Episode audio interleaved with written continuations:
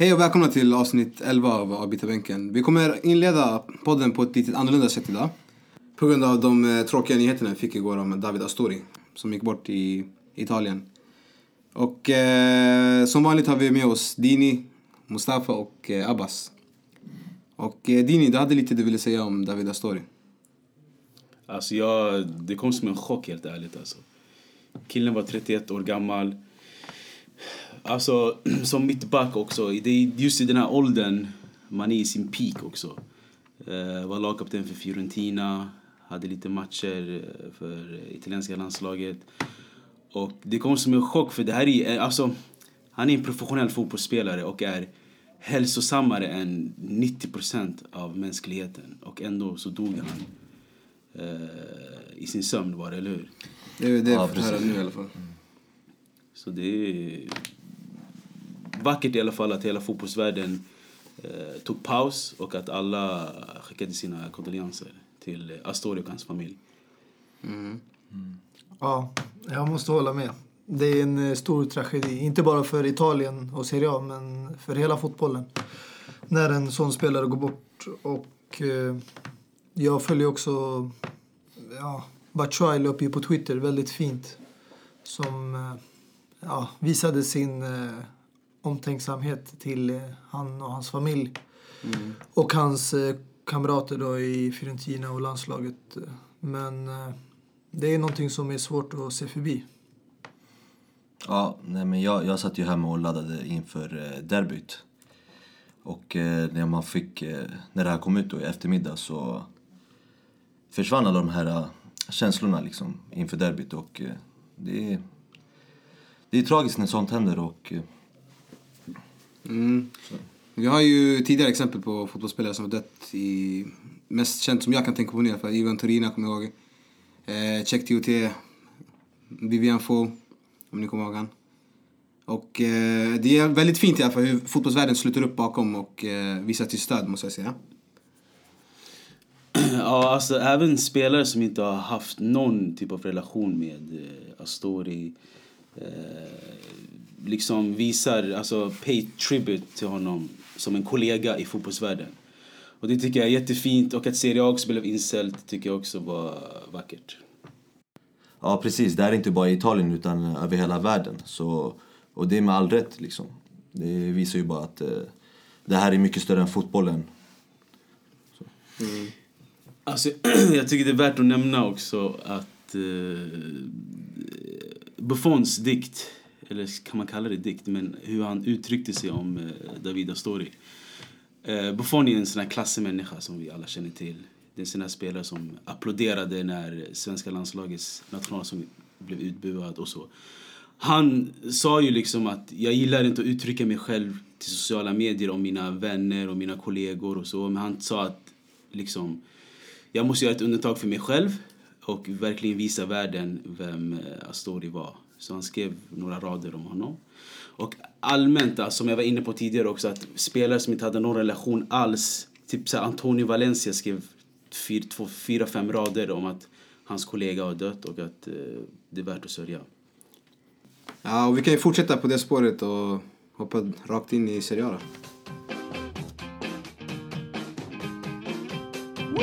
Boys, vi satt ju igår eh, Sunday, Super Sunday och väntade på dagens avslutning som det skulle bli. Inter Milan. Men eh, så fick vi de här dåliga nyheterna. Ja, som jag får bara hoppa in där. Mm. Eh, det som hände är en eh, ja, stor grej och det är tragiskt. Men det som var synd också, det är ju att eh, i Serie A spelas ju majoriteten av matcherna på söndagar. Och eh, jag tror det var många som reagerade olika liksom, på att matcherna blev inställda och så. Det kan bero på att vissa matcher, eller ja, vissa lag som då är inblandade inte har någonting med Astor att göra. Eh, personligt då, att han har spelat där eller... Men de flesta känner han kanske från landslaget eftersom han har spelat där och eh, han har ju, vad jag vet, spelat också tidigare i Milan. Och just på grund av det kan jag tänka mig att det derbyt blev inställt. Men eh, i mina ögon är det någonting fint att de liksom gör så för en spelare som har precis passerat. Och det är liksom ja, dagen därpå då. Mm. Ja, jag håller med dig. Eh, jag tänker bara... Jag tänker på liksom åskådarna och fansen som eh, har lagt hela sin förmögenhet för att eh, åka till andra sidan av jorden för att kolla på den här matchen eller de andra matcherna i Serie A som blev inställda. Men som inte fick göra det. Eh, som sagt, det är inte så att eh, en person går bort eh, liksom varje dag sådär direkt. Och det är förståeligt. Men de här personerna kommer inte kompenseras för deras, deras flyg och allt det här som, som, liksom, som har hänt. Och eh, om vi ska ta det här med, det har ju hänt det här vad heter det, jordbävningen i Italien. Och inte bara i Italien, jag menar i, där i Mellanöstern så är det många människor som dör. I Afrika dör man. Lite, lite runt överallt, överallt i världen så dör folk. Men eh, då är det bara liksom att ha ett svart, eh, vad heter det? Svart, så här, svart band. Exakt, svart band eh, och bara fortsätta lira. Så du tycker inte... Men, nej, nej, men å andra sidan, i just det här fallet så är det så att många spelare, som Mustafa sa, det är många spelare som känner liksom själva personen Astori. Och eh, det är svårt att spela samtidigt som man har den här tanken att eh, den här personen då hade gått bort för ja, två timmar sen typ, innan deras matchstart. Så det är förståeligt och jag kan förstå varför de eh, liksom gjorde det inställt. Och det var spelarna som gjorde det, det var inte italienska förbundet som sagt. Och jag tror att italienska förbundet kommer ha riktigt svårt om sånt här kommer hända igen. För alltså man vet ju aldrig. Ma- Alltså alla kan dö när som helst. Så ska man eh, liksom ställa in alla matcher Det är, då? alltså, det är en intressant poäng du lyfter. Tänk om... Alltså någon, se en större spelare än Astori gå bort. Ska man ha hela tiden... Alltså, ska man lägga standarden att nu att om en landslagsspelare eller om en... Alltså en, en italiensk Serie A-spelare går bort. Ska man då ställa in matcherna hela tiden? För det sätter ju en standard på så sätt också. Men jag tycker fortfarande att det var jättevackert att alla matcher blev inställda. Eh, för det är, det är svårt, för det finns ju viktigare saker än fotboll i slutändan. För om man ska bryta ner fotbollen i sig, det är, det är ett yrke. Det är, folk, det är 22 män som springer efter en boll. Och det är okej att ställa in saker då och då när sådana här grejer sker. Men samtidigt kan jag tycka att, låt säga Kievo mot Sassuolo. De har ju ingenting med Astori att göra. För folk som åkte ner till Kievo för att kolla på eh, den matchen var ju också tvungna att eh, drabbas av det här. Så det, det finns ju två sidor av myntet. Men jag håller med dig om att det här sätter en ny standard för eh, de kommande spelarna som går bort. Eh, Så jag vet inte hur eh, det italienska förbundet kommer att hantera det här. Nej, precis. Och jag tänkte också, förutom allt det du säger, det, nu sägs det att eh, de här matcherna kommer spelas runt där i maj, alltså 9 maj. Och det är precis slutet av säsongen, vilket kan vara lite jobbigt för ja, vissa lag som kanske spelar Europa League eller ja, Champions League. Ja, men jag tänker speciellt på Milan-Inter då. Ja. Skulle du säga att det är en fördel eller en nackdel att matchen blev alltså, överhuvudtaget eh, uppflyttad? För jag tänker om, låt säga, ska, alltså, vissa spelare kanske hinner komma tillbaka från skador, vissa hinner förbereda sig ännu bättre. Det här kanske blir som en seriefinal för fjärde plats. Förstår du? Det är ju massa saker man kan lyfta upp egentligen. Ja, precis. Alltså, nej, ja, det är ju självklart en fördel för Milan då, i det här derbyt. För de har, har ju spelat Europa League, ligan och sen så spelar de kuppen 120 minuter. Och sen möter de Arsenal på, nu på torsdag. Exakt, så skulle de möta, det skulle vara derbyt igår, sen skulle de möta Arsenal. Så det skulle vara eh, tufft för Milan. Så absolut, nu kan de bara vila efter de här 120 minuterna de hade mot Lazio. Och sen satsa på eh, Arsenal. Och sen så kommer derbyt spelas i maj liksom. Det är, nu är hela derbyfeelingen liksom, den har bara försvunnit. Men eh, jag skulle kunna faktiskt argumentera och säga att det var lite rättvist alltså mot lag som Milan, Fiorentina och Cagliari. De här som klubbarna där han har spelat. Han har också även varit lån. Men de där kanske vaknar upp med en sån nyhet och de kommer inte in med samma mentala tillstånd till matchen. Och det är orättvist mot dem. För att eh, de kommer inte vara lika eh, redo mentalt och kunna förbereda sig inför en eh, match som är i allmänhet tuff. Det är en Serie A, det är en av de bästa ligorna i världen och det skulle kunna ha drabbat Milan-spelarna, inte bara för att jag tror inte många har spelat med dem i nuvarande Milan-laget, de spelar som idag, men det finns ju italienska spelare där som till exempel eh, Montolivo och Bonucci som har säkert spelat med Astori i landslaget Ja. och skulle påverkas negativt av den här nyheten. Alltså grejen i slutändan, det är ju ändå deras jobb tänker jag. Det är ju, alltså, det är ju, även om vi är fans och vi kollar på fotboll och allting, det är deras jobb. Det kanske är svårt för spelarna att eh, utföra sina jobb när de får höra här nyheter. Jo, även jag- även jag om de inte har spelat med honom. Alltså, nej, alltså jag tycker det, det är exakt jobb. Samma sak här om jag har ett jobb här i, i Sverige.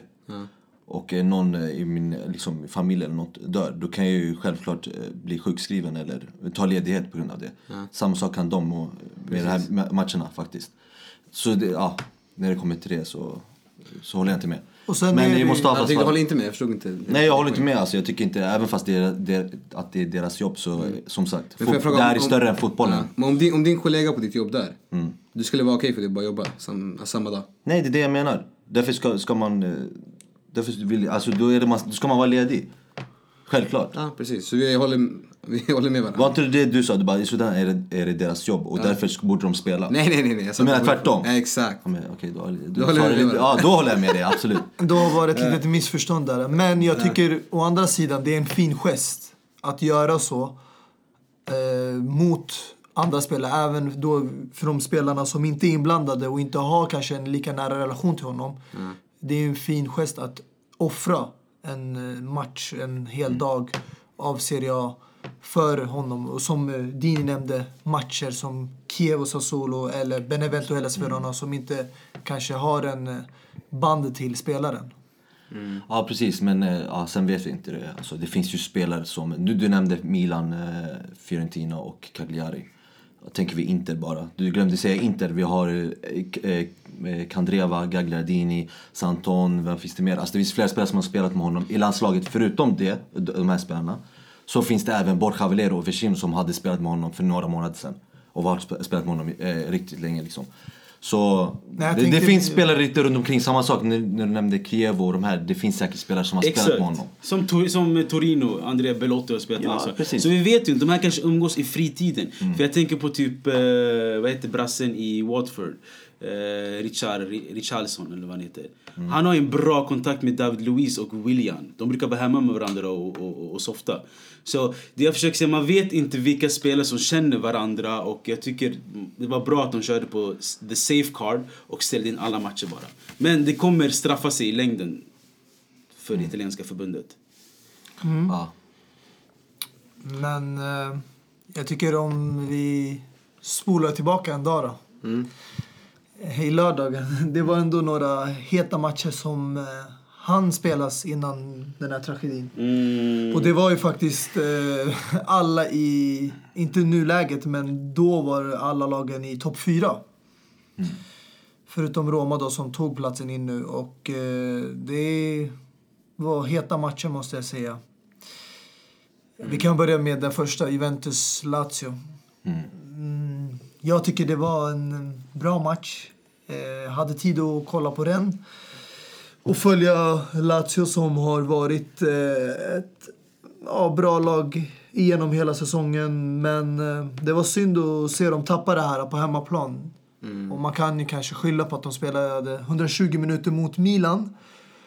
Men i mina ögon, det är en del av fotbollen att spela eh, ja, cupmatcher, ligan, Europa League, Champions League och... Eh, sen kan man ju argumentera att de inte har samma bredd på truppen som Juventus. Men det är ju skillnaden på topplagen i Serie A och de som eh, kämpar för att kvalificera sig till Champions League. Ja, de har ju, Ju- Juve ligger ju på 68 poäng, en poäng mindre än Napoli. Med en match mindre spelad också. Abbas, hur tror du det ser ut? eh, Toppstriden? Ja. Ja, som sagt, i förra avsnittet så sa jag att eh, det skulle vara stopp då när Inter skulle möta Napoli. Det känns som att eh, det redan är stopp. Och de kommer ju möta Napoli nästa, eller Inter kommer möta Napoli nästa helg. Och det kommer bli en svår match, så vinner Inter den matchen så skulle jag säga att det definitivt är kört för Milan, eller för eh, Napoli. Så, ja. Det har ju varit deras stora mål att vinna eh, Serie A den här säsongen. De offrar ju till och med Europa League för det. Exakt. Så det är riktigt tråkigt och synd för Napolis del att de inte, om de nu inte tar det, för man vet aldrig när, det, när en sån här chans kommer komma igen. Ja, jag vet inte. Det är synd att se dem tappa alltid under den här perioden. För det är de här månaderna under våren, just februari, mars, april, eh, avslutningen på säsongen som är de viktigaste och avgörande matcherna. Det är där eh, man tågar mot mållinjen. Men ja, det är en stor match som man ska vinna om man ska få lyfta den här bucklan. Och jag är lite chockad för att eh, Napoli spelar ju på så ett bra sätt. De får ju mycket creds för att uh, ha en av de vackraste fotbollen just nu ute i Europa. Men uh, trots det så tappar de det på hemmaplan mot Roma. Mm. Som chockerande de lyckades vinna på bortaplan. Monstersiffror också. Och det, ja, och det som förvånar mig är att Roma har inte varit i den bra formen de senaste veckorna. De har haft eh, förluster och oavgjorda resultat. Så de kommer hit och det är starkt och det måste jag faktiskt poängtera att ett lag som Roma som har tappat spelare de senaste åren som Pjanic, Mohamed Salah, Rudiger, Paredes. det här är bra spelare och ändå lyckas de ändå hålla sig där uppe i toppen. Och de, jag tror den här sommaren så kommer även Zeko och Manolas följa ut med dem genom dörren. Och det är synd att ett sånt lag som har så bra spelare, som får in bra spelare och utvecklar dem, förlorar dem. Eh, ja, det värsta jag kan tänka det är Gervinho som lämnade för Kina för pengarna. Mm. Som var en riktigt bra spelare i Serie A och hittade sin form där igen.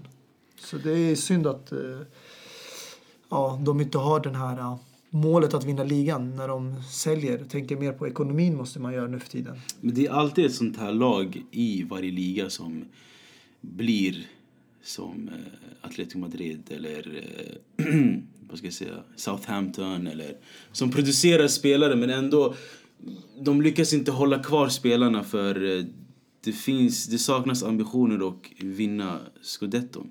Typ. Mm. Så som Roma har lite grann. Roma är ju ett klassiskt lag. Det är en av Italiens största klubblag och så vidare.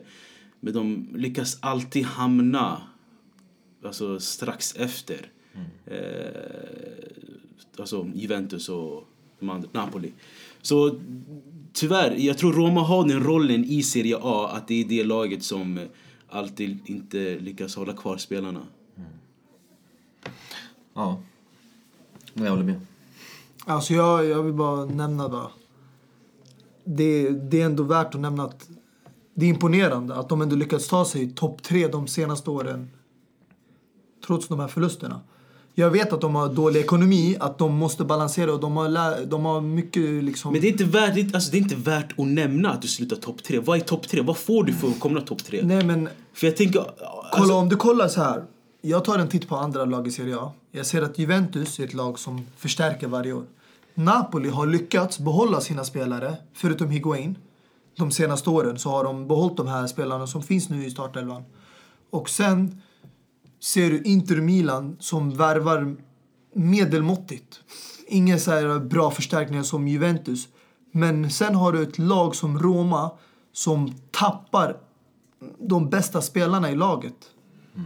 Och ändå lyckas hålla sig där äh, ovanför de andra lagen. Och om du kollar nu på exempelvis Milano-laget. Deras mål har ändå varit att kvalificera till Champions League de senaste åren. Och de har inte lyckats göra det. Så det är ju ändå ett mål som klubben vill uppnå till en början innan man börjar utmana om scudetton. För det är ändå någonting som Juventus har hållit fast vid i sex år. Och som du säger, det verkar som att de kommer komma hem den sjunde också. Promenera in ja, deras scudetto. Och det är synd. Eh, tråkigt faktiskt. Det här börjar bli som Bundesliga och Bayern München. Mm. Nej men Roma är ju ett sånt här lag. Eh, de har ju alltid haft de här spelarna som du nämnde, men sen så säljer de det. Och därför kommer de aldrig komma till den här nivån att vara, liksom, vinna ligan och eh, vara liksom där uppe hela tiden. De är bara runt, som du säger, kriga till sig en Champions League-plats. Men vill man vara ett riktigt stort lag och utmana om titeln, eller vara den här du, favoriten att vinna titeln, då måste du behålla dina spelare och sen köpa fler spelare till. Och om jag ska lägga en koppling med ett annat lag, till exempel Liverpool, som har haft spelare som Suarez till exempel, Coutinho, men sålt dem och hämtat några andra och sen bygger man på det.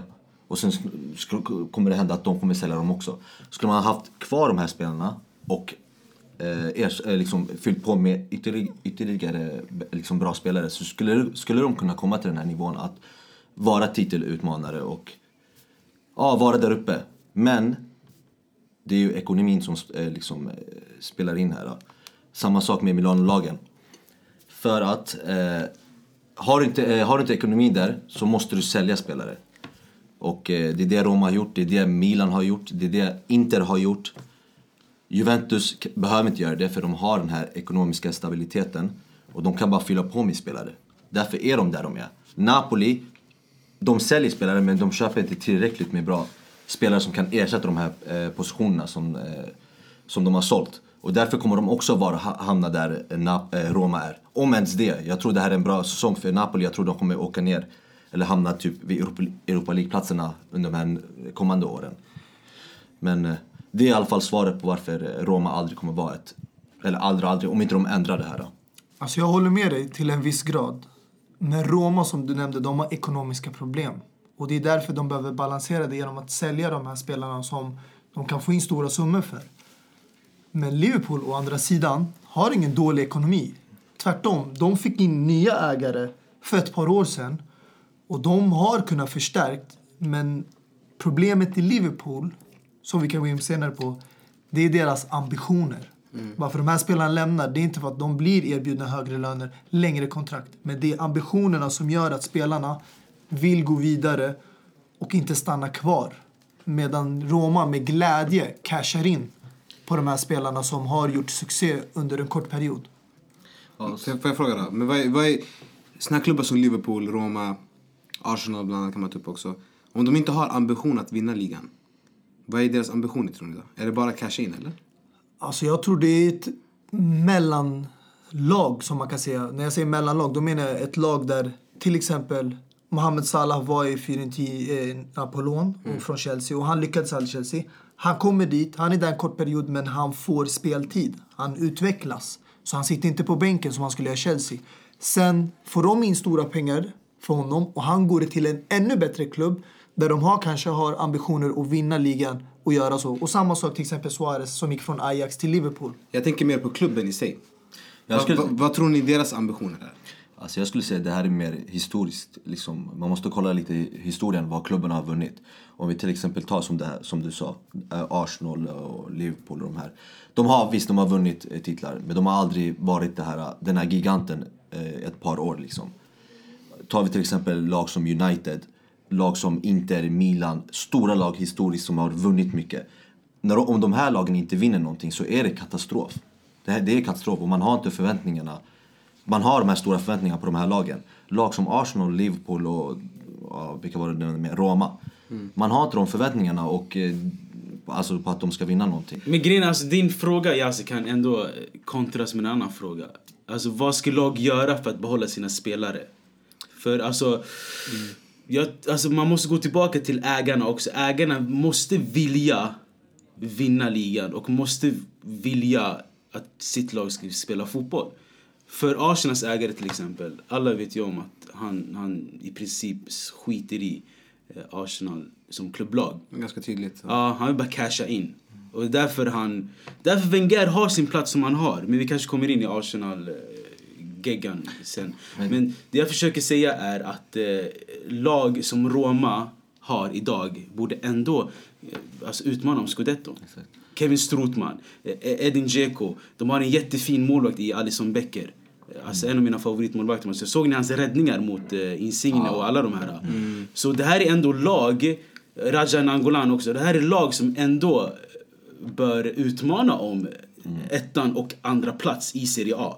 Eh, Cengiz Under som de har hittat eh, som levererar match efter match.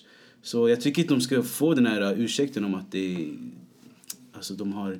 För Mustafa, du, du, det såg ut som att du försökte säga att de har ett betydligt sämre lag än vad Juventus och Napoli har. Alltså det jag försöker säga är att hade de behållit spelare som eh, Salah, Rudiger och sen till exempel Paredes. Han var inte så gammal. Han var en mittfältare som hade en ljus framtid. Och sen har du exempelvis Chesney som var på lån, som de kunde köpa loss. Hade möjligheten att göra det från Arsenal där de hade en option de inte ville aktivera. Och då gick han istället till Juventus. Klubben som har dominerat Serie A de senaste åren och nu kommer ta över efter Buffon. Hade de valt att behålla de här spelarna så skulle sannolikheten att de utmanar ligan var mera än vad Napoli gör det. För att Roma har i alla fall hållit sig kvar i Champions League och är med i slutspelet efter gruppspel och kan också, eller har stor möjlighet att kvalificera sig vidare. Och ändå är de nu i topp tre i Serie A. Ja, nej, jag tror det har mycket med styrelsen att göra. Presidenten och sportchefen och vad de vill. Det är de som ska sätta allting liksom på plats. Vill de eh, ha spelare kvar som kan, så kan de liksom ha dem i klubben. Eh, och det är det till exempel eh, Atletico- Madrid har gjort. Att de, eh, de kanske inte har tillräckligt med pengar för att köpa riktigt stora spelare för liksom stora summor. Eh, och då, då kan man eh, ha kvar sina spelare som de har, sina liksom bra spelare som Griezmann och flera andra spelare. Liksom. Ha kvar dem och eh, fylla på med en Diego Costa som var eh, liksom, eh, utfryst från Chelsea. Och bara fylla på sådär då. Och hålla sig på toppen hela tiden. Och de har, tyvärr för deras del, så har de inte vunnit Champions League. De var ju där två år liksom i finalen men vann inte. Så där har det gått fel. Men de har alla, alla, i alla fall haft den där ambitionen och velat ta sig dit.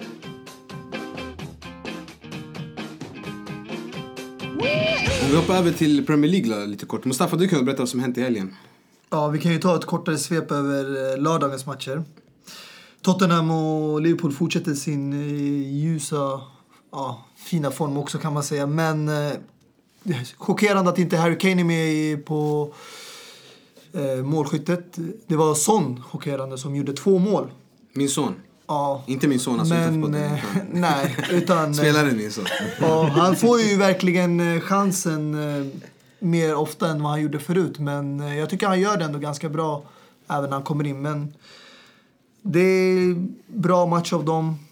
Bra förberedelse inför Champions League-matchen i, för, i veckan då. Och Liverpool, ja, som vi tidigare har pratat om, Mo Salah. Han fortsätter på samma spår och eh, trion har ju ökat sina mål med två till där från Salah och Mané. Och ja, just nu känns de som unstoppable. Men eh, vi får se hur det slutar mot eh, ja, Champions League efter kvartsfinalen och så, när de kommer dit. Mm, de spelar ju på hemmaplan nu mot eh, Juventus Tottenham. Ja, Hur tror du den matchen ser ut under veckan? Ja, det kommer bli en eh, match där Tottenham jag tror för matchen. Men det är en fördel för dem att spela på hemmaplan och de har ett resultat att ta med sig också från Turin. Så det ser ljust ut för dem på den fronten. Men det ska bli intressant att se hur de hanterar situationen att ifall de kvalar vidare då till kvartsfinal hur de klarar av att spela i Premier League samtidigt och ha de här intensiva veckorna då. För deras trupp är inte samma bredd som exempelvis City. Men på tal om City.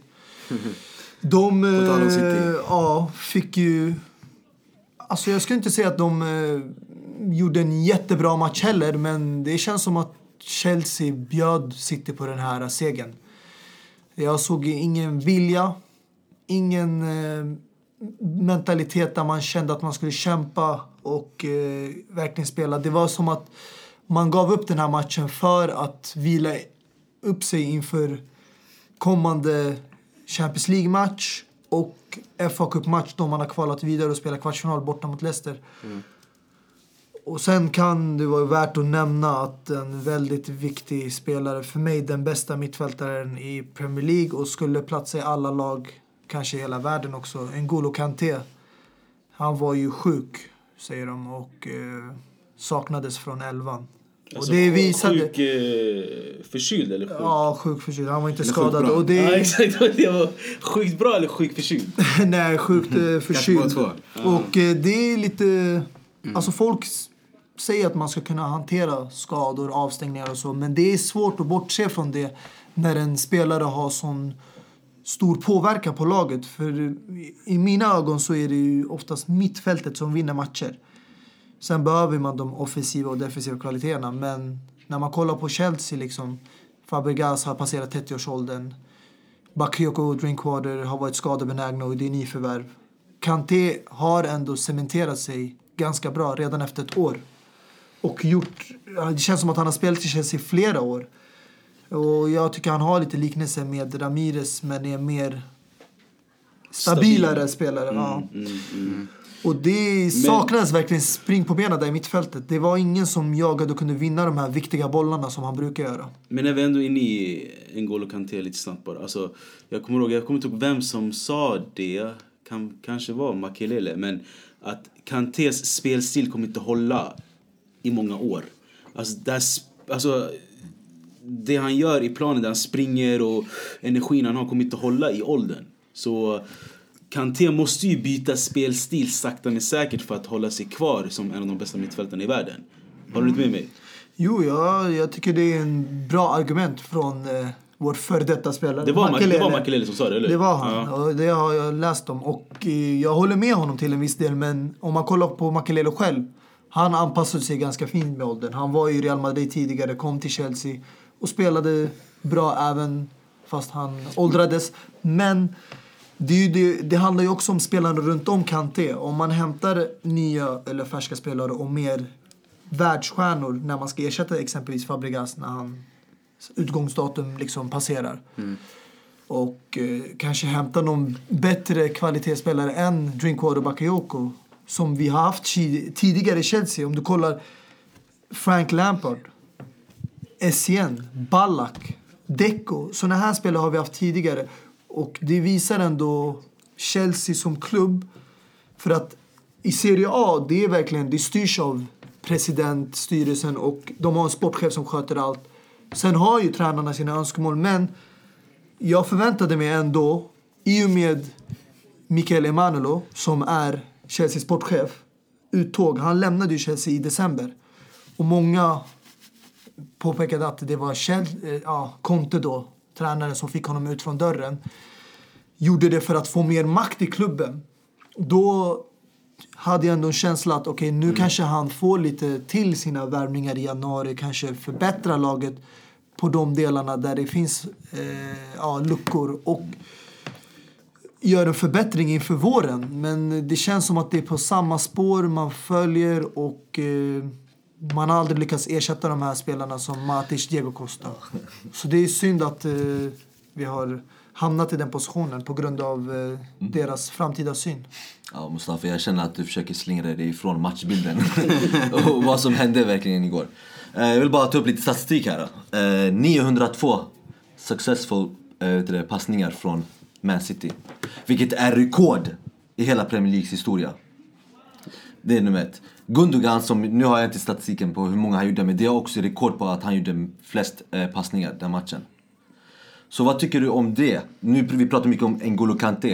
Eh, var han kanske en spelare som skulle kunna förhindra att det blev så många passningar eller tror du att Conte skulle fortsätta spela samma spel? Att bara stirra på bollen och Alltså, promenera har, fram? spelar du en sån här match där du ligger vad är det, 20 poäng innan matchen låg vi bakom City. Jag tror inte det finns så mycket motivation från spelarna. Alltså- och du ser liksom spelare som Costa såna här ansluta i januari till Atletico Madrid medan till Chelsea ansluter en spelare från Arsenals bänk. Giroud till Chelsea. Då kan du med största sannolikhet ana att det här skulle hända. För att ambitionerna är inte som förut. Och åtminstone när vi hamnade tionde plats så lyckades vi behålla våra stjärnspelare och fortsätta med samma trupp. Nu när vi vinner ligan och kommer tillbaka med Champions League och ska ha en extra turnering att delta i, då förväntar jag mig att klubben ska förstärka laget. Men istället, den här eh, äh, Granovskia som jobbar åt Abramovic som är hans högra hand, hon har valt att tänka på ekonomin plötsligt och låter de andra lagen komma in och köpa spelare som vi kan egentligen. Vad pratar du om spelarna? Jag fattar inte. Va, va, vi, vi, Men vår, vi, matchen, vi, vi måste ju kolla våran trupp. City var till exempel utan Sterling. De kastar in en Bernardo Silva. De vill vila Company. De kastar in en Laporte. Och va, vad har, 50 ni- vem har ni som inte de har? Som, har som ni kan kasta in? Vem var som var skadad hos er som inte ni kan kasta in? Vem har vi som är lika bra som Diego Costa? Nämn, var, varsågod Jag trodde att. Morata var bättre, eller? Ja, vem har sagt det? Många Chelsea-fans som jag känner. Vilka? Bland annat Skulle du. du kunna nämna några namn? Ja, du precis. Nej, jag har aldrig nämnt Okej, det. okej. Men, Kan du nämna en bättre mittfältare än Matic? men vem är bättre än? Diego Costa om det är så som du säger? Du tyckte att Diego Costa var världens bästa, ni skulle inte kunna få en bättre anfallare än honom. Du tyckte att Morata var ett perfekt exempel, äh, liksom, eh, spelare för att ersätta honom. Morata- Han lyckades inte, ni fick en Giroud. Så ni har två centralanfallare på bänken. Så det där kan inte du klaga på du tycker att det är Contes spel. Det är Du tycker Giroud är lika bra som Diego Costa? Nej men jag bryr mig inte själv om ni, vem som är bättre, eller, eh, det spelar ingen Men roll. varför nämner du dem? För Con- Conte spelade inte med Hazard i anfallet på grund av att han inte har en spelare som är lika bra som Diego Costa. Jo. Nej, det var inte på grund av det. Hade hans spelsätt, han ville spela sådär. Så om enkelt. du tror nu... Nej, om jag, du, jag, jag tror att Diego Costa skulle spela, ja. Okej. Men det spelar ingen Varför roll. säger han men det spelar ingen roll. Du kan, Alltså- men okej, men om Chelsea spenderar 70 miljoner, en miljard på Giroud och eh, Morata. Det var inte en Alltså miljon. hur kan en Chelsea-fan klaga? 80 miljoner jag fattar var det. inte. Hur kan Conte klaga? Det gör jag inte, eller hur? Eller Men klaga. det är så- det- det, kolla. det, jag tycker det här är bisarrt av det Kolla, och, och du- försöker säga att men, eh, City har en spelare de kan slänga in. Ni har två centrala Jag anfallare ska- ni kan slänga in men ni spelar inte en enda central anfallare. Det är fel av dig. Alltså, det är inte du som är tränare i Chelsea tycker jag. Det är de som, Conte som la ut laget liksom. Förstår du? jag ska lära dig en liten Men- grej om fotboll. Först och främst, priser reflekterar inte spelarens kvalitet. Som vi har sett i dagens marknad, spelare köps till otroliga priser. Bara för att eh, Laporte i mina ögon är en bra back och har gjort det jättebra i Athletic Bilbao. Han sp- är inte värd 50 miljoner pund i mina ögon. Kyle Walker är definitivt inte värd Okej. 50 miljoner pund i mina ögon. Van Dijk är definitivt inte värd 75 Absolut miljoner pund. absolut. Men att han köptes för 60 miljoner pund, det är för att han har spelat i storklubbar som Juventus, i, i Real Madrid, vunnit Serie A, La Liga, Champions League. Och det är ingenting vi kan rå för. Men om vi måste hämta in ersättare, vi har inga andra alternativ. United fick Okej, in. Lukaku. Ja. Skulle du ge mig ett exempel på ett lag som... Men Mustafa, Jag ska säga- Mustafa, men Mustafa Ja. jag frågar en sak. Om ni har två centrala anfallare på bänken, vad är anledningen till att han inte spelar dem? Det är för att han tycker att de inte är tillräckligt bra eller? Det är bara det. Det håller jag med om. Han, jag frågar dig, det är bara ja, det. Tror det? Ja, kolla, om du kollar så här. Om du kollar bara så här. Eller passar inte in i hans taktik. Om du kollar enkelt. Ja. Hur gick det för Chelsea när de spelade med falsk nian mot Barcelona? Det gick bra. Det gick bra. Så han chansade med det igen. Men den här gången fanns ingen N'Golo Kanté. För att jag som jag säger, mittfältet är de som vinner matcherna. Har du mittfältsgeneral och de som dominerar inne i mitten, då kommer du få mer anfallsspel. Upp bollen till de Ja. offensiva spelarna. Men nu fanns det ingen mellanspel, utan bollarna kom direkt från försvaret upp till anfallet. Och då kan inte liksom Hazard och William sitta och nicka ner och brösta ner spelare med två stora mittbackar som Otamendi och Laporte. Det går inte. När du, förklar, när du förklarar sådär så förstår jag. Okej, spelet, spelarna som ni har, det funkar inte i just den här taktiken. När man möter Otamendi och så. Ja, men att du säger Chelsea kan inte slänga in någon för det är sportchefens fel. För vi har, när ni har köpt Morata för 70 pund och eh, den andra Giroud. Det är fel av dig. Alltså, jag har aldrig varit med om att en Chelsea-fan ska klaga på att Chelsea inte sp- äh, köper spelare. Det är bara sjukt att man kan höra det. Förstår du? Det är som, eh, du brukar ju säga att Morata är bättre än Lukaku, eller? Alltså i mina ögon har han en större potential. Men Ja. just nu... Hur som han, helst, det är som om, om, om United skulle komma ut och bara Vi spenderar inte, vi, vi har inte tillräckligt med spelare för att slänga in. När de har eh, köpt över, vad är det, 4 miljarder, jag vet inte hur mycket United har spenderat. Det går inte, det funkar inte. Du kan säga att det är fel av Conte hur han spelade. Det är alltså- vilket det var. Det, det, är ingen, det är ingen legitim ursäkt, absolut. Att Absolut klaga inte. på att man inte har tillräckligt spelare i bredd. Men det jag försöker säga, alltså Conte som tränare, enligt mig, det känns som att han vill sakta men säkert bli av med det här jobbet. Och vänta, vänta. Alltså det finns en sekvens eh, i matchen igår. Eh, ungefär vid 75 minuten. Vi alla, jag, jag visade det här klippet nyss till er alla innan vi började spela klippet. Hur Chelsea pressade City. Med, med eh, vet det, citattecken pressade. De promenerade bokstavligen runt. Och, och City fick passa runt eh, hur de ville. De gav upp matchen helt enkelt. Conte gav upp. Ingenting hände. Så det känns som Conte är trött på att vara i England och försöker få sig själv bli sparkad. Exakt. Ja, jag håller med dig. Och sen är det också det här med att säga att motivationen är liksom tappad på grund av att man kollar upp och det är 20 poäng uppåt. Alltså, det är inte dit ni ska kolla. Att vi är liksom komma till titel. Kom till Champions League, det är ett mål. Förstår du? Det är där man ska komma fram till. Men... Eh, där, om, om, om vi kollar på tabellen, ni ligger ju fem platser ifrån Tottenham som har fjärdeplatsen just nu. Tror ni hamnar, tror ni tar Champions League-platsen i år? Jag tror det finns en stor sannolikhet att vi kan göra det. Det är långt ifrån över. Men folk måste ju också se att den här säsongen är ju så mycket annorlunda än förra säsongen.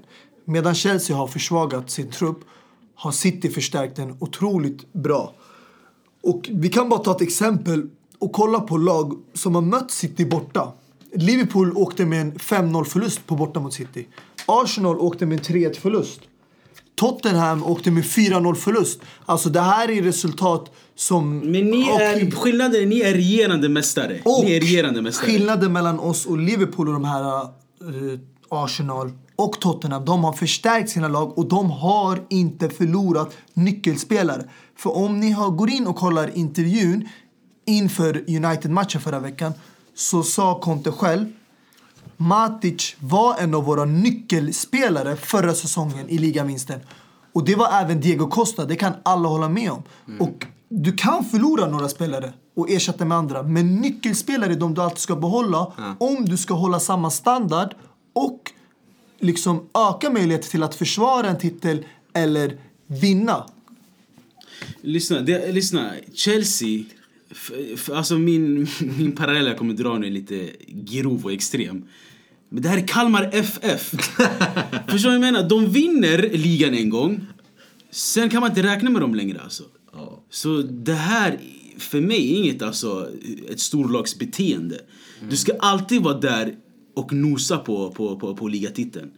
Så, uh, I don't know. I don't Att know. du drar såna där paralleller, det är lite... Skämmigt, ja. Nej, men det absolut. det ja, är, ja. väl- Du sjönk till en låg nivå med tanke på att... Det är det jag ville göra. Jag ville sjunka lika lågt nivå som Conte men nummer ett, för det är som du säger, Conte. Det är inte många som studerar det här, men jag studerar inte bara det han säger i presskonferensen, men även hans kroppsspråk vid sidlinjen på planen. Och att han har den där uh, attityden, även hans far kommenterade, jag har inte sett dig så här på jättelänge. Contes far? Han bara, du brukar alltid vara full av energi. Han bara, du gör mig orolig. Contes svar. Ah, ja. Och det gjorde honom chockerande för han sa vad menar du? Och det visar tydligt på att han är missnöjd med vad Chelsea har gett honom i transfermarknaden. Och att ha sån där uh, attityd på planen, det är sj- självklart, det sänker ju spelarnas självförtroende. De springer ju inte då, för de känner okej den här matchen, det känns inte som att vi har någonting att hämta från den. Låt oss bara gå vidare från den. Och då vill man glömma bort den och fokusera istället på titlar där vi har chans att vinna som FA-cupen och Champions League. Okej. Ja, om vi snackar lågt då, ska vi gå ännu lägre och snacka lite om vad som hände i Arsenal? Arsenal-träsket. Brighton, Arsenal 2-1. Ja, eh, jag, kan alltså det är ju... Det är ju Alltså man garvar ju varje vecka men det känns ju som Nej, att... nej, det, det är nya, det är nya lägstanivåer hela tiden. Ja, det alltså. är sjukt alltså. Det måste vara svårt att vara Arsenal-fan nu för tiden alltså. Alltså det är 14 matcher eh, under 2018. Fyra vinster. Eh, två kryss och sen resten förluster. Och fem matcher i rad. så- Ja, exakt. Fem senaste I rad. I Jag rad, tänkte Östersund bland Östersund annat. inblandat där. Med City två gånger också. Alltså, det är, alltså, jag säger så här. Om Arsenal förlorar mot Milan på torsdag så vem måste Wenger... Men Dini, hur många gånger har man sagt Nej, nej, nej. På riktigt nu. Han måste ryka. Det går inte längre. Men får jag alltså. fråga, tror de, tror, de, tror de tar bort honom mitt i säsongen då? Det, det kommer de inte göra. Abs- absolut inte. Men jag tänker det, det är dags att fansen, eller någonting händer. Att de, att de omsluter sig och, och går och knackar dörr eller men- någonting. men- att de, att de verkligen alltså, drar Wenger ut ur Emirates Stadium. Alltså, Men det var den här diskussionen vi hade igår Dini, om, eh, bara att flika tillbaka till igår. Vi snackade ju om att eh, jag tycker att man inte ska supporta laget genom att fortsätta gå på deras matcher. När de inte alltså, tar till sig fansens kritik. Och Du tycker inte? Jag tycker inte det. Och du tyckte att man skulle ha kvar? jag, jag håller fortfarande alltså, Du tycker med mig fortfarande själv. att du- Att, man ska, att man ska gå på ma- Alltså lyssna, jag, om jag, säg, säg att jag är Arsenal Ja. Jag går inte till matcherna på grund av eh, Wenger eller Kronke heter han, ägaren va? Ja, Stenkrud. Ja. Ja. Jag går dit för Arsenal. Jag går dit för Highbury. Jag går dit för Henri Pires och Em- Emmanuel Petit. De, de tiderna. Okej, men- Och, och just det Arsenal, det här är det sämsta Arsenal jag har sett. Alltså. Det sämsta. Även sämre när de hade Shamak och Bentner och de där uh, clownerna. Så, jag, så jag, jag, jag skulle fortfarande gå på matcherna, absolut. Eh, så... eh, Nej men jag tänker, för grejen att jag, om jag var supporter till Arsenal. ja. Jag hade inte känt mig, alltså, jag hade inte känt mig respekterad. om jag fortsätter gå på deras matcher. Men lyssna, det, det, Eftersom att de, de tar inte till sig vår, vad- vad- min kritik. Som fansen har. Hur kan, de, hur kan de gå med på det här? men Det det, lyssna, det är som att säga att du har en, du har en son. Okej? Ja. Arsenal är sonen just nu i den här metaforen. Ja. Att du har en jobbig son som eh, inte lyssnar på dig och, och, och gör massa olika hyfs och skit. Du supportar ju ändå alltid din son, eller hur? Det är samma sak med Arsenal och din klubb du hejar på. Det finns inget som heter med, med, vad heter det, med, eh, sons. Medgångssupporter. Nej, jag, tänkte, jag skulle inte kalla det här medgångssport. Men all, du måste, du måste ju hålla kvar vid ditt lag. Jag fattar, jag fattar. Men om ditt lag, det är skillnad på om ditt lag liksom lyssnar, de tar till sig kritiken eller någonting. Arsenal, de har de högsta biljettpriserna i England.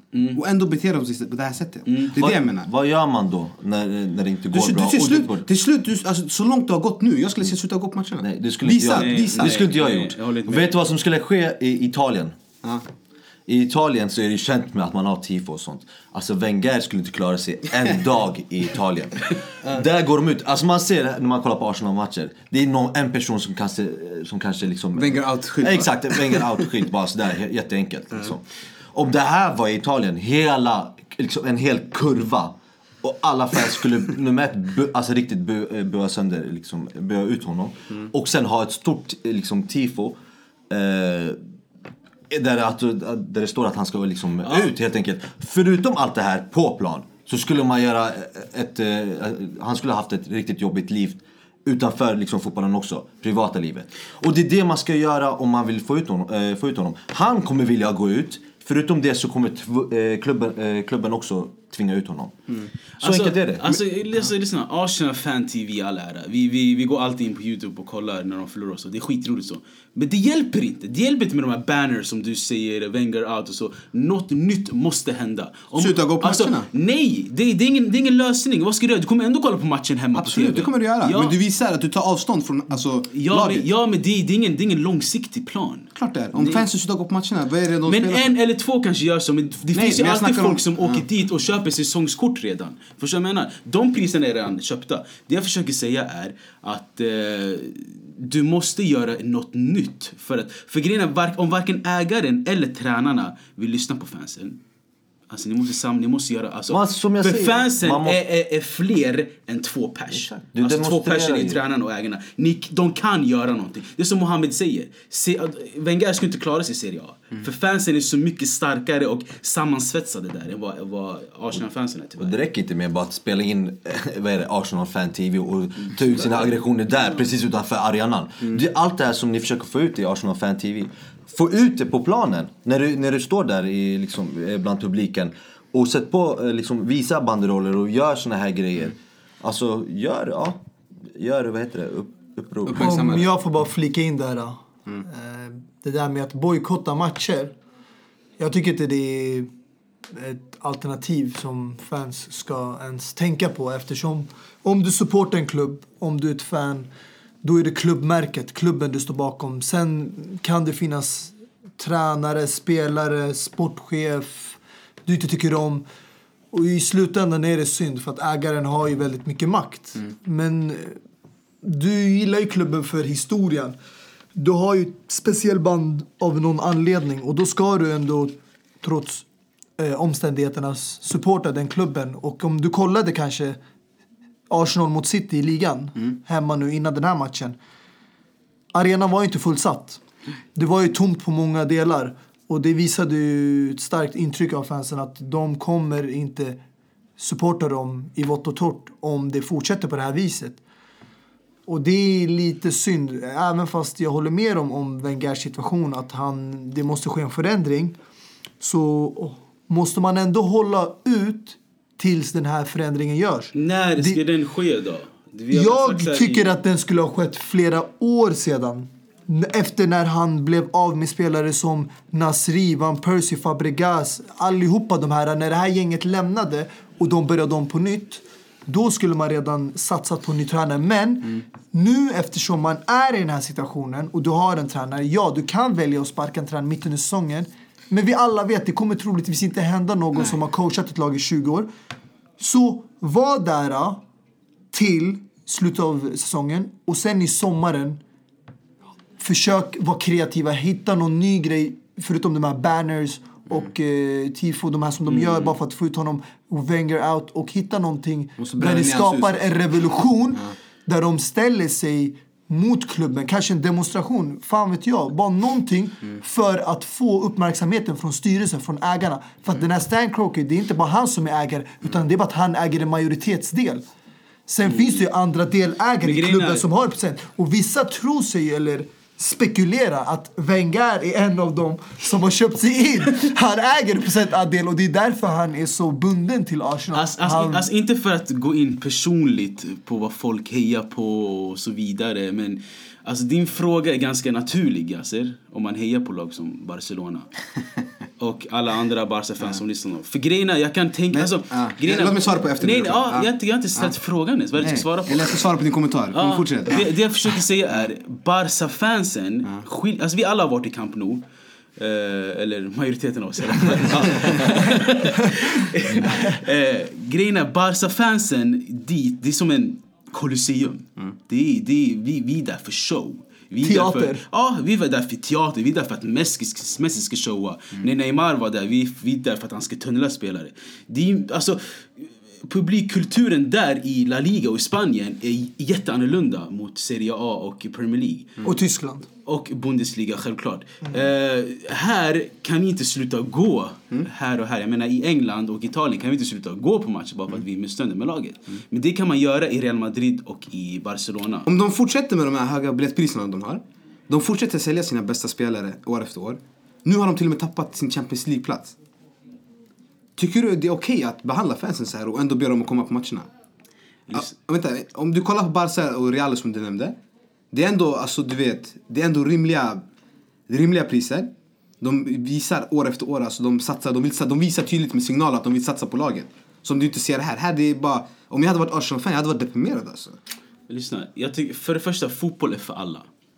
Eh, prisskillnad och pris, att man ska ha höga priser på biljetten, det är absurt. Absolut. Men det jag försöker poängtera här, det är publikkulturen mellan La Liga och Premier League och Serie A. Alltså Real-fansen buar ut sina egna spelare om de inte vinner mer än 2-3-0. Förstår du vad jag menar? Det är den nivån. Jag fattar ju att Real och Barca har en mycket högre, lägre standard än vad vi andra lag har. Eh, och om Ronaldo inte gör mål på några matcher så, så, så är han världens sämsta fotbollsspelare plötsligt. Om Messi inte gör mål, det- på, några, om Messi inte gör ja. mål på några matcher har han måltorka plötsligt. Så det jag menar, det, det är så pressat att spela i La Liga. Ja, Att- men jag att- fattar. Men det jag menar, jag försöker inte säga till dig att de inte ska supporta laget i sig. Jag snackar om, om de går alltså jag menar att de ska visa tydligt att de inte supportar ägaren och tränaren. Det är det jag menar. Ja, men det, jag, jag tycker inte att, att inte, sluta gå på matcher är inte rätt sätt. att- Hur ska man annars få effekt tänker jag? Det vet jag. Demonstrera som jag sa innan. Gör uppror, alltså gå mot eh, banderoller, gör allting. Stå utanför hans hus, skräm honom, gör någonting. Nej men helt ärligt, det är Så, hemskt att säga det så. hållet. Det är hemskt att säga så. Ja, exakt. Ja. Det är åt det hållet man ska luta sig mot. Om man vill, om man vill göra någonting åt saker. Men får jag fråga, varför går det så dåligt för Wenger då? Om vi bryter ner han lite här. Anledningen är att han inte har fått ihop ett lag som kan spela bra tillsammans. Och han vi köper nu, de här värvningarna som har du gjort, det är bara för att få tyst på fansen. Det har inte varit, för mig i alla fall, mina ögon, känns det som att det har varit taktiska drag. Det, det här är de här sidorna vi behöver förstärka. Alltså kom igen. Alla har vetat att Xhaka har varit kritiserad under året. De har svagt mittfält. Jack Wilshere har varit skadad fram och tillbaka.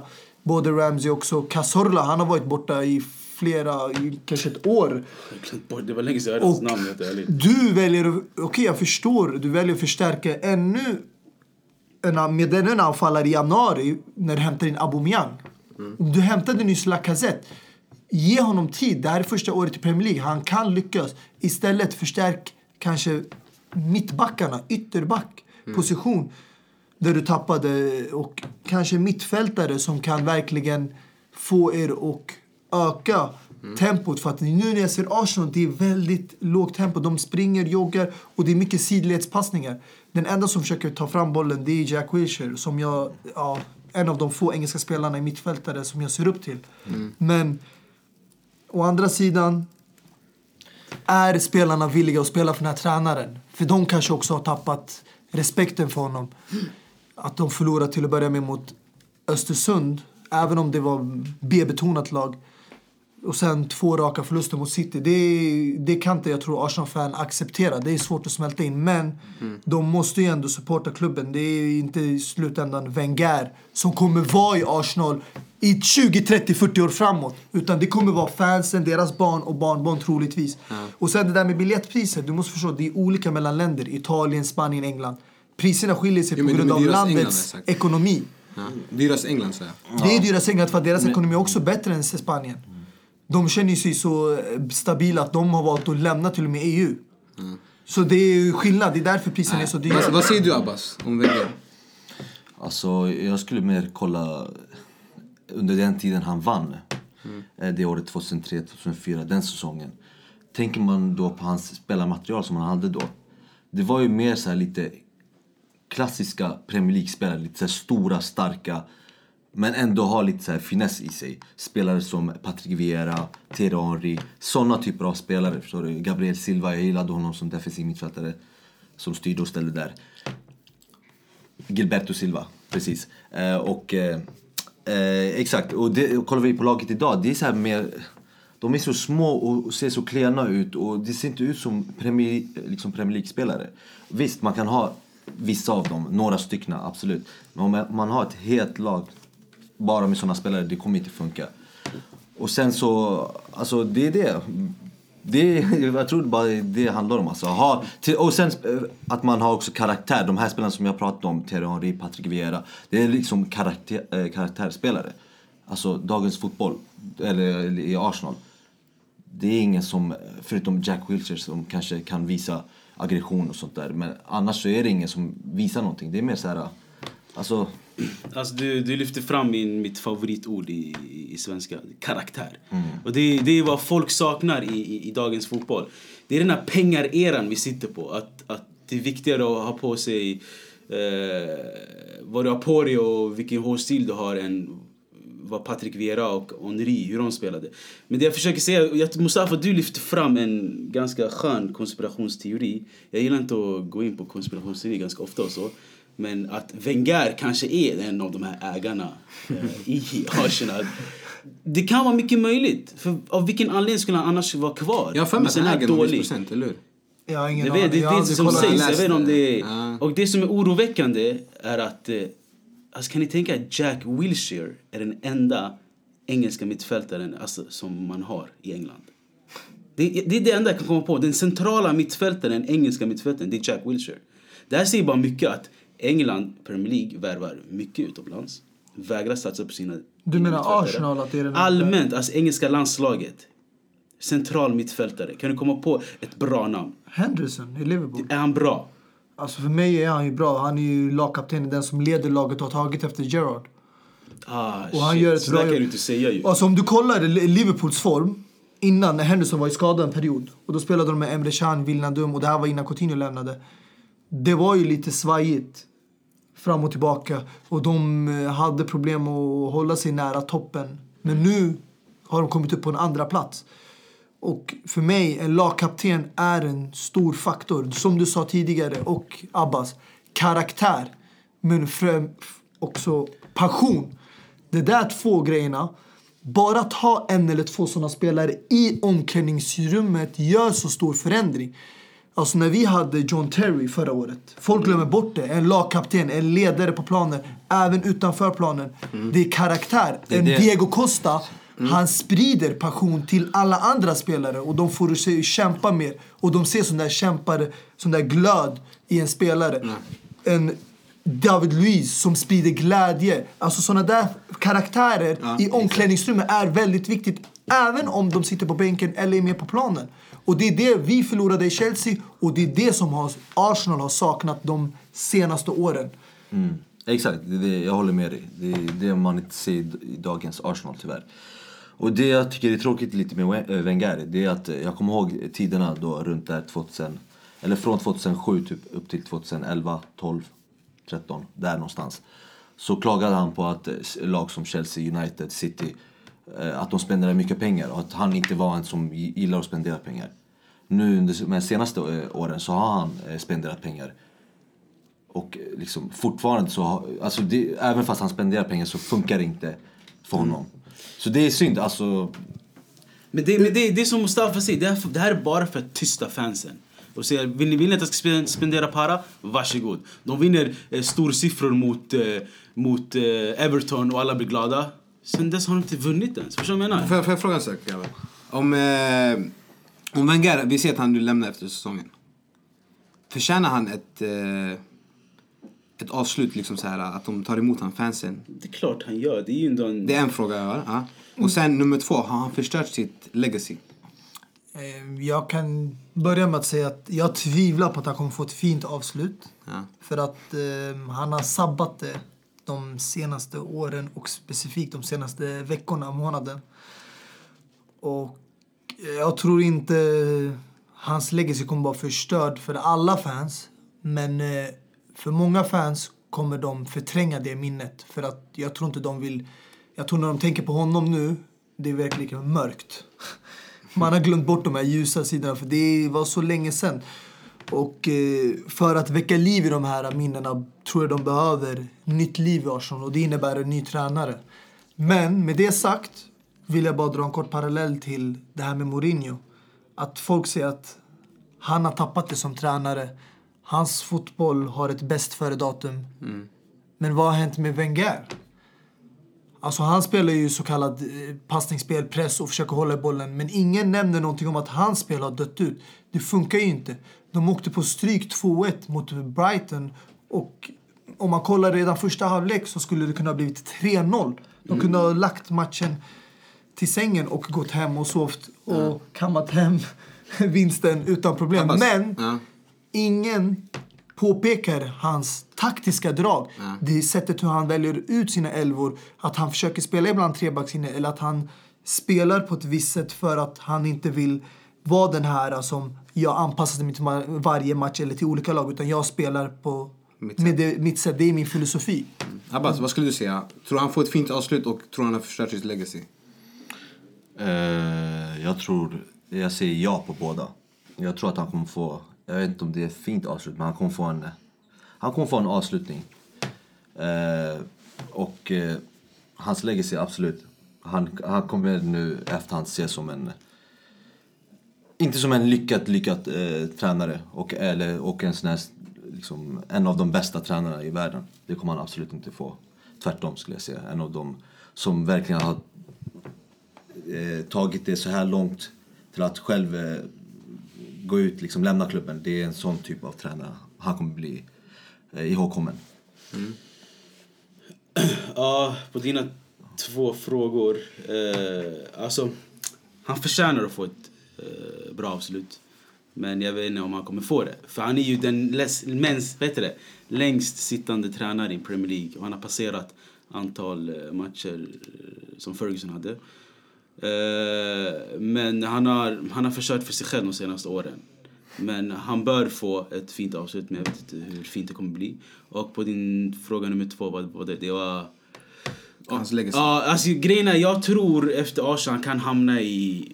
Han kanske flyttar tillbaka till Frankrike, tar över lag som Monaco. eh, PSG. PSG, ah, för mycket pengar för Wenger att hantera tror jag. Eh, men Monaco tror jag han skulle definitivt kunna ta över. Ja. Eh, så åt det hållet, men absolut inte Barca eller Atletico Madrid eller... Men jag har en följdfråga på det då. Vem skulle ni säga tar över efter, efter Arsene Wenger? Har ni något namn ni skulle kunna tänka er? Jag hade som- personligen tänkt på Klopp förut, men ja, Liverpool tog ju honom. Det har ju ryktats om eh, Diego Simone Exakt, från Atletico Madrid. Eller så säger de Allegri ifall han skulle lämna Juventus. Så Mm. kanske det skulle vara ett eh, alternativ. Men jag har svårt att se någon av de här tränarna komma till Arsenal om inte de får en stor budget och skaka om truppen där. Om, om ens det. Jag tror de vill gå till vinnande klubbar, stora klubbar liksom historiskt. Eh, men en som jag tycker borde gå dit, fast ändå inte, det är eh, Napolis Sarri. För han har eh, ett spelsätt och en spelidé som liknar lite av vad Arsenal eller hur Arsenal spelar. Och förutom det så spelar materialet som Napoli har, det är lite av det Arsenal har också. Ganska korta spelare och ganska snabba spelare där också. Så jag tror eh, att, att han kommer få en fin avslutning eh, av Arsenal. det, det kan vi diskutera. Men han kommer absolut få en fin avslutning från alla andra klubbarna. Ja. Men ett namn eh, som kanske skulle kunna ta över Arsenal det är Thierry Henry. Som Exakt. är assisterande tränare för Belgien just nu. Och han fick ju den här jobbiga frågan i studion. Han satt i Sky Sports av eh, Jamie Redknapp på grabbarna. Och eh, man märkte att det var en obekväm fråga att svara på. Men jag tror definitivt att Henry kan ta över Arsenal i, så småningom. Och eh, ja, jag, jag, om jag får hoppa in där och, eh, så vill jag bara säga att det skulle vara det dummaste Henry skulle göra. För man börjar aldrig en, sin karriär i ett stort lag. Speciellt inte ett sånt lag som verkligen är så dåligt som eh, Arsenal. Jag tycker han borde Det kanske, jobba. blir, kanske blir en Clarence Seedorf för honom. Ja, exakt. en, eh, Misslyckas man där så kan det vara droppen liksom. Inzaghi eller... Eller så kan det bli lyckat som Zidane som fick ta över även katastrofal Exakt. Benitez. Ja. Det kan gå åt Om. Arsenal, om Arsenal har, sitter på Cristiano Ronaldo och sådana typer av spelare. Om jag säger 600 mål Dini, vad säger du då? Jag säger Messi. Messi, inte Jesse Messi alltså, utan Messi. Leo Messi. Leo Messi. Men det är ändå sjukt att, att hela tiden att han slår nya rekord. Ja, det är fan sjukt. Alltså hela tiden det är något nytt. Alltså, jag har tappat räkning på vad han har slagit rekord på. Men det är ju definitionen av en uh, världsklasspelare. Eller ja, eh, världens bästa fotbollsspelare i vissa ögon. Nej, men eh, all respekt till Messi och Barcelona. Eh, de gjorde det fint. Uh, ännu en gång, det är en vanlig taktisk match. Jag måste säga det var ovanlig andra halvlek att se av Barcelona. Speciellt efter Iniesta fick lämna planen med en skada så var det väldigt taktiskt där. Och jag tycker det, i vissa människors ögon är det fel. De kritiserar andra lag som spelar eh, lågt försvar eller mycket omställningar, kontringar. Men jag tycker det är ett bra drag att Barcelona har fått sådana här taktiskt tränare som är smart och kan anpassa sig till olika situationer, vet hur han ska göra det. Men däremot, å andra sidan, är jag lite besviken på Atletico Madrid och eh, Simone. Hans val av elvan. Det var, han lämnade ut Korea och Saul Niguez som för mig har varit en av Atletico Madrids stjärnspelare den här säsongen. Speciellt Saul, han har ju växt in i den här rollen. Och eh, sen, alltså all respekt till Gabi och hans historia med klubben. Och, men han, det känns att hans tid är över för klubben. Alltså han, han har ingen spring i benen längre och han borde lämna plats för framtiden. Ja, förutom det så tycker jag också att eh, Diego Costa inte levde upp till förväntningarna. Han, eh, han var ganska osynlig hela, hela matchen faktiskt. Och det, anfallare behövs ju under, eh, när man möter Barcelona. Ja. Fortsätt, fortsätt. Ja, nej, det är det jag vill säga. Och bara- Abbas, om jag frågar dig, Messi. Tror du han tar hellre en frispark eller en straff? Mhm. Ja, du, jag tror han har gjort mer frisparksmål än eh, straffar känns det som. Han har gjort hela fem frisparksmål den säsongen. Ja, Jag tror det- han tar frispark Flest i Europa. för det straffar. Alltså. Ja.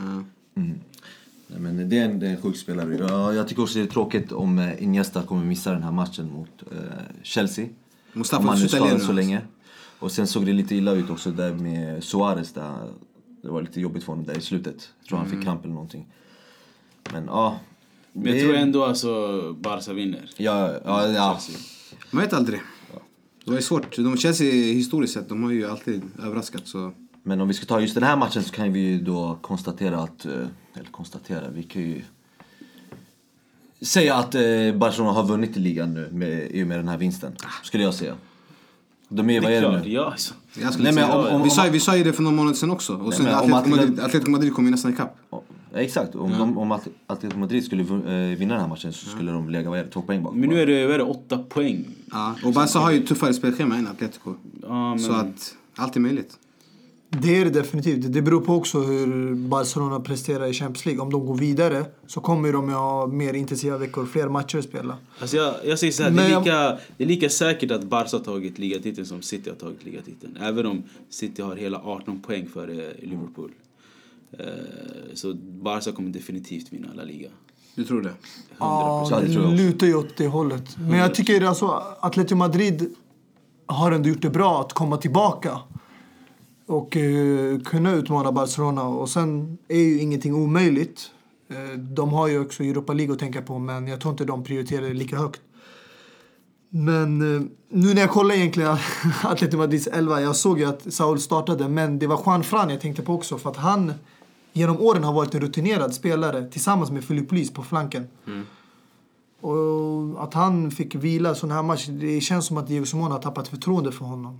Och jag vet inte, det är Diego Costa, han är lite, han har hämtat tillbaka den här äh, gamla Atletico Madrid-känslan. Men det känns fortfarande inte som att det är den gamla Diego Costa som man Det kanske se. är omklädningsrumsgrejen som vi var inne på som Diego Simone håller på att tappa.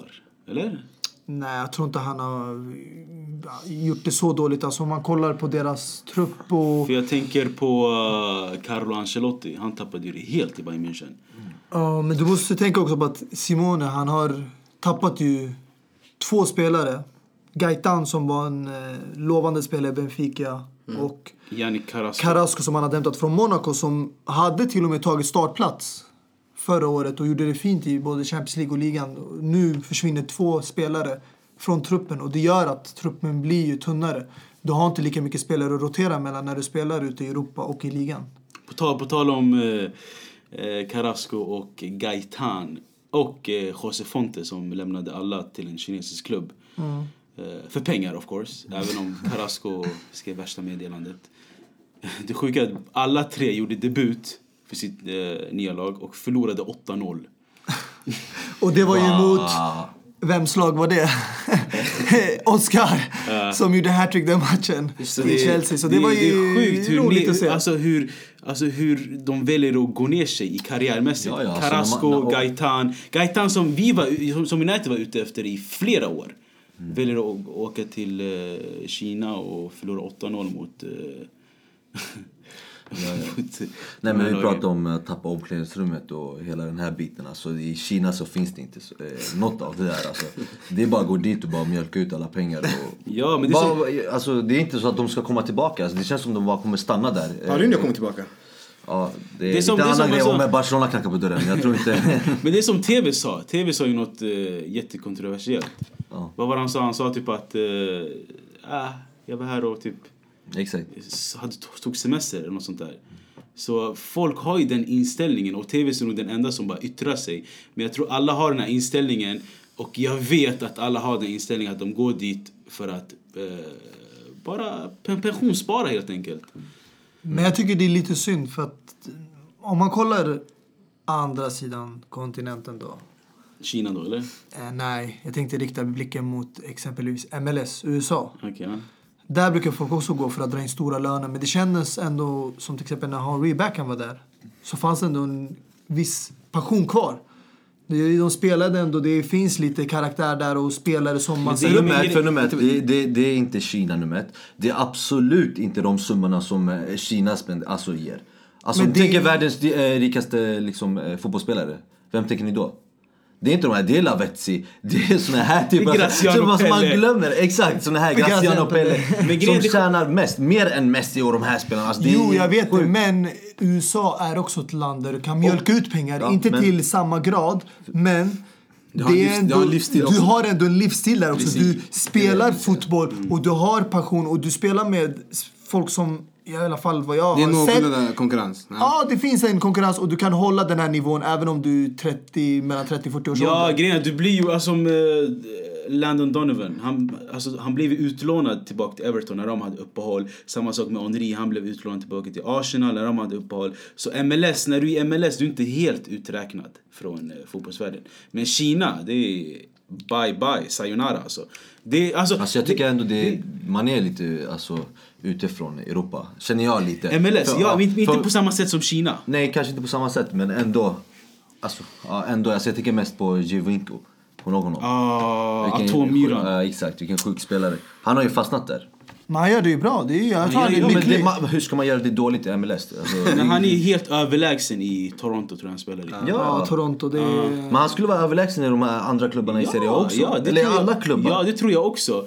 Men det sjuka är att alltså, Graziano Pelle som kom från Southampton var för några år sedan världens bästa betalda fotbollsspelare. Mm. Det, det, det borde säga sitt alltså. Men samtidigt kan man argumentera att Kina kanske inte är Mm. ett land där man tappar allt. För om vi kollar på Paulinho.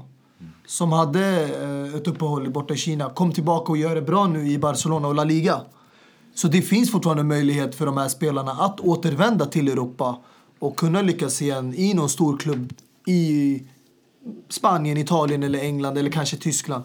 Så det är inte över för dem. Och då tänker jag på de här lite mer yngre spelarna då. Ja, Carrasco, Oscar. Nu Ramirez, han har ju passerat en viss ålder kanske. Men det finns fortfarande potential. Det jag tror för mig, den som startade den här trenden. Det var han från eh, Shakhtar. När han hade möjligheten att gå till Liverpool. Teixeira. Och valde att gå istället dit. Men eh, ja, han följde ju gamla spår från Drogba och Anelka som...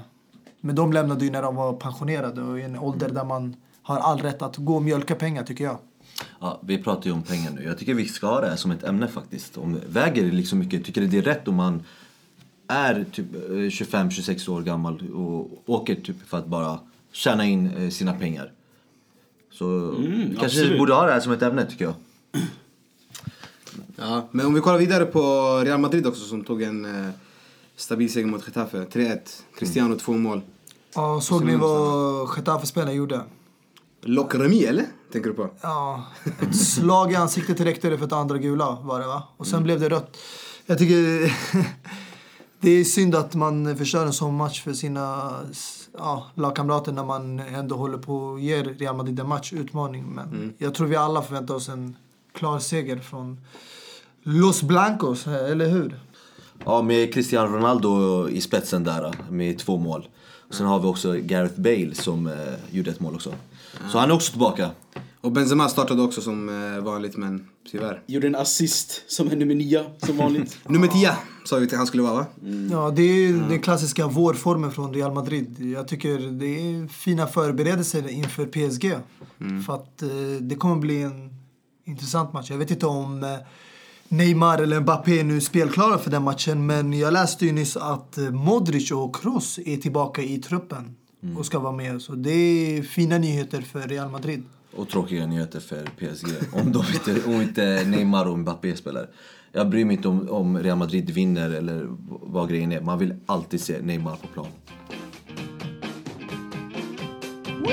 Grabbar, som eh, ni vet så kör vi ju helgens lirare efter varje helg på måndagar. Och eh, som sagt, vi visar ju inte namnen vi har tagit för varann. Och i helgens lirare, för mig i alla fall, jag kan ju börja. Jag tänkte först ta Messi, som har gjort 600 mål. Han, har, eh, han leder skytteligan i La Liga, han leder assistligan, han leder skott på mål, flest eh, genomförda dribblingar och skapade chanser. Men för mig den här veckan, jag vill dedikera helgens lirare till David Astori. Som eh, fick hela Serie A att stå stilla. Fick en hel fotbollsvärld att eh, skicka hälsningar och eh, ja, stanna upp i vardagen. Så att jag dedikerar helgens lirare till David Astori. Abbas. Vackert måste jag säga. Ja, väldigt fint. Och nu la du ribban så högt som det kan bli. Liksom. Man vill inte säga sin eh, helgens eh, spelare. Men om man bortser eh, Astori då, så är min helgens spelare Edin Dzeko. Nej, du driver! Exakt den jag hade! Ja, Var inte det här lite repeat vad som hände förra veckan? Eller? Jo, exakt. Han hade Lukaku och jag hade också honom. Men eh, Edin Dzeko är den spelaren jag valde. För eh, han spelade ju den här bortamatchen mot eh, Napoli. Och efter en svår match där de förlorade i förra omgången mot Milan. Så kom han in i den här matchen på ett sätt som en riktig anfallare ska spela. Han hade två skott på mål och båda de här målen gick in i mål. Och det är så en anfallare ska vara. Vi hade ju ett avsnitt, två, de här två sena, från de här två förra avsnitten som vi hade. Där vi nämnde hur en anfallare ska agera när han är i straffområdet. Och eh, Dzeko var ju en sån typ, eller han är en sån nummer nio som ska göra mål oavsett hur matchbilden är. Han behöver inte eh, ha så många bolltouch eller många skott på mål. Han behöver ha- bara ha ett skott på mål och det ska in i mål. Och eh, därför är han min bästa spelare. Jag kan hålla med dig. Det var det Roma saknade mot eh, Milan. Han satt ju på bänken där. Men eh, tyvärr, min helgens lirare hamnade ända bort i Rom. Lazio mot Juventus. En eh, otrolig Paolo Dybala. ett majestätiskt mål måste jag säga. Det är helt ofattbart hur han med sin kroppsbyggnad lyckas ta sig igenom två spelare på det sättet och liggandes få till ett sånt avslut som går upp i krysset. Och det gjorde han i slutminuterna, 93 matchminuten. Och det är då spelarna brukar vara som mest trötta och eh, det här visar gång på gång vilken stor betydelse den här eh, lilla tekniska spelaren, en av Serie A's, eller för mig kanske den bästa spelaren i Serie A. Och folk glömmer bort ganska fort att han har varit skadebenägen den här säsongen, kommit fram och tillbaka men ändå ly ja, lyckats spurta in 15 ligamål. Och jag tror han kommer ha en avgörande roll för resterande säsongen för Juventus. Och eh, det ska bli intressant att följa hans karriär. För han är ju fortfarande ung och har en ljus framtid framför sig.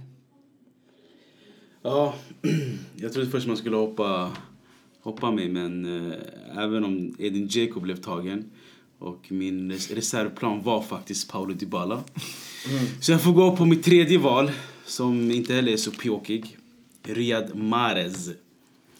Eh, som eh, får lite cred, tycker jag. Och eh, gjorde ett vackert frisparksmål idag, eller i helgen. Och eh, kan jämföras med spelare som Sterling och Sané. Så eh, helgens tredje bästa spelare för mig blir då Riyad Mahrez. Intressant. Och eh, så har vi ju Champions League nu i, i veckan. Är det något som ni ser fram emot förutom det uppenbara, Tottenham-Juventus? Ja, så det uppenbara är ju väl det man vill följa. Det är det hela världen kommer följa. Och det är där det kommer vara intressant hur Juventus väljer ställa upp och spela med en Paolo Dybala som saknades i förra mötet. Så jag tror det är en, eh, kommer vara en jämn match. Men Tottenham har självklart fördelen med eh, det förra resultatet och hemmaplan. Har, har eh, PSG en chans mot Real? Har man Neymar eller Mbappé på plan så absolut, då har de en chans. Annars så tror jag faktiskt inte att de har tillräckligt bra spelare för att eh, spela i Santiago Ber... Nej, det är i Paris va? Eller? Nej, det är Ja. Santiago väl? Det var Nej, förra... det är ju Paris. Det är ju hemma nu för PSG. Mm, exakt. Ja, just det. Ja, faktiskt. Det är, all, alltså, allt kan hända den matchen. Men det är ju självklart svårare om du inte har Neymar och Mbappé. Alltså jag kände tidigare att de skulle kunna ha chans med tanke på hemmafördelen och så. Men nu med tanke på PSGs skador och jag fick ju läsa eller höra nu att både Modric och Toni Kroos är tillbaka i truppen inför det här returmötet så känner, känns det att det är liten sannolikhet att PSG kommer kunna vända det här. För att eh, ja, Real Madrid är ett lag med karaktär. Och jag såg ju också Marcelo tillbaka i elvan i helgen. Och det är också en viktig spelpjäs som vi såg i första mötet. Alltså, jag ser emot eh, redan ikväll, måste jag säga. Eh, Crystal Palace mot eh, Manchester United. Tyvärr. eh, det är skön måndagskvällsmatch. Jag gillar eh, Monday Night Football, så min höjdpunkt börjar redan idag. Så. Och jag ser inte så mycket fram emot Champions League, helt ärligt. Jag ser mer fram emot torsdagens match. Milan mot eh, Arsenal. Där, eh, där är mycket, alltså där nyckelordet är karaktär. Där, eh, Weng, det är bokstavligen Wenger versus Gattuso. Där Gattuso får visa sig om hans mannar räcker till i de stora finrummen. Och Wenger får eh, spela ut sina sista livlinor. Så det blir en eh, jättefin eh, torsdagskväll att se fram emot. Ingen mer som vill tillägga någonting? Nej, tror det Det så, räcker va? för idag faktiskt. All right, det blir lite längre avsnitt idag, men eh, det blir bra. Vi får väl ses på torsdag och eh, prata samman vad som hänt i Champions League och analysera lite mer. Tack för oss! Ciao. Koppla bort våran tillvaro, släppa sorgerna till baskon Glömma bort allting och bara dansa Musiken är vår trognaste vän Så vi gör horus med den Checka moveselen Har den i blodet sen Det blir bor igen Så normal, vi fortsätter dansa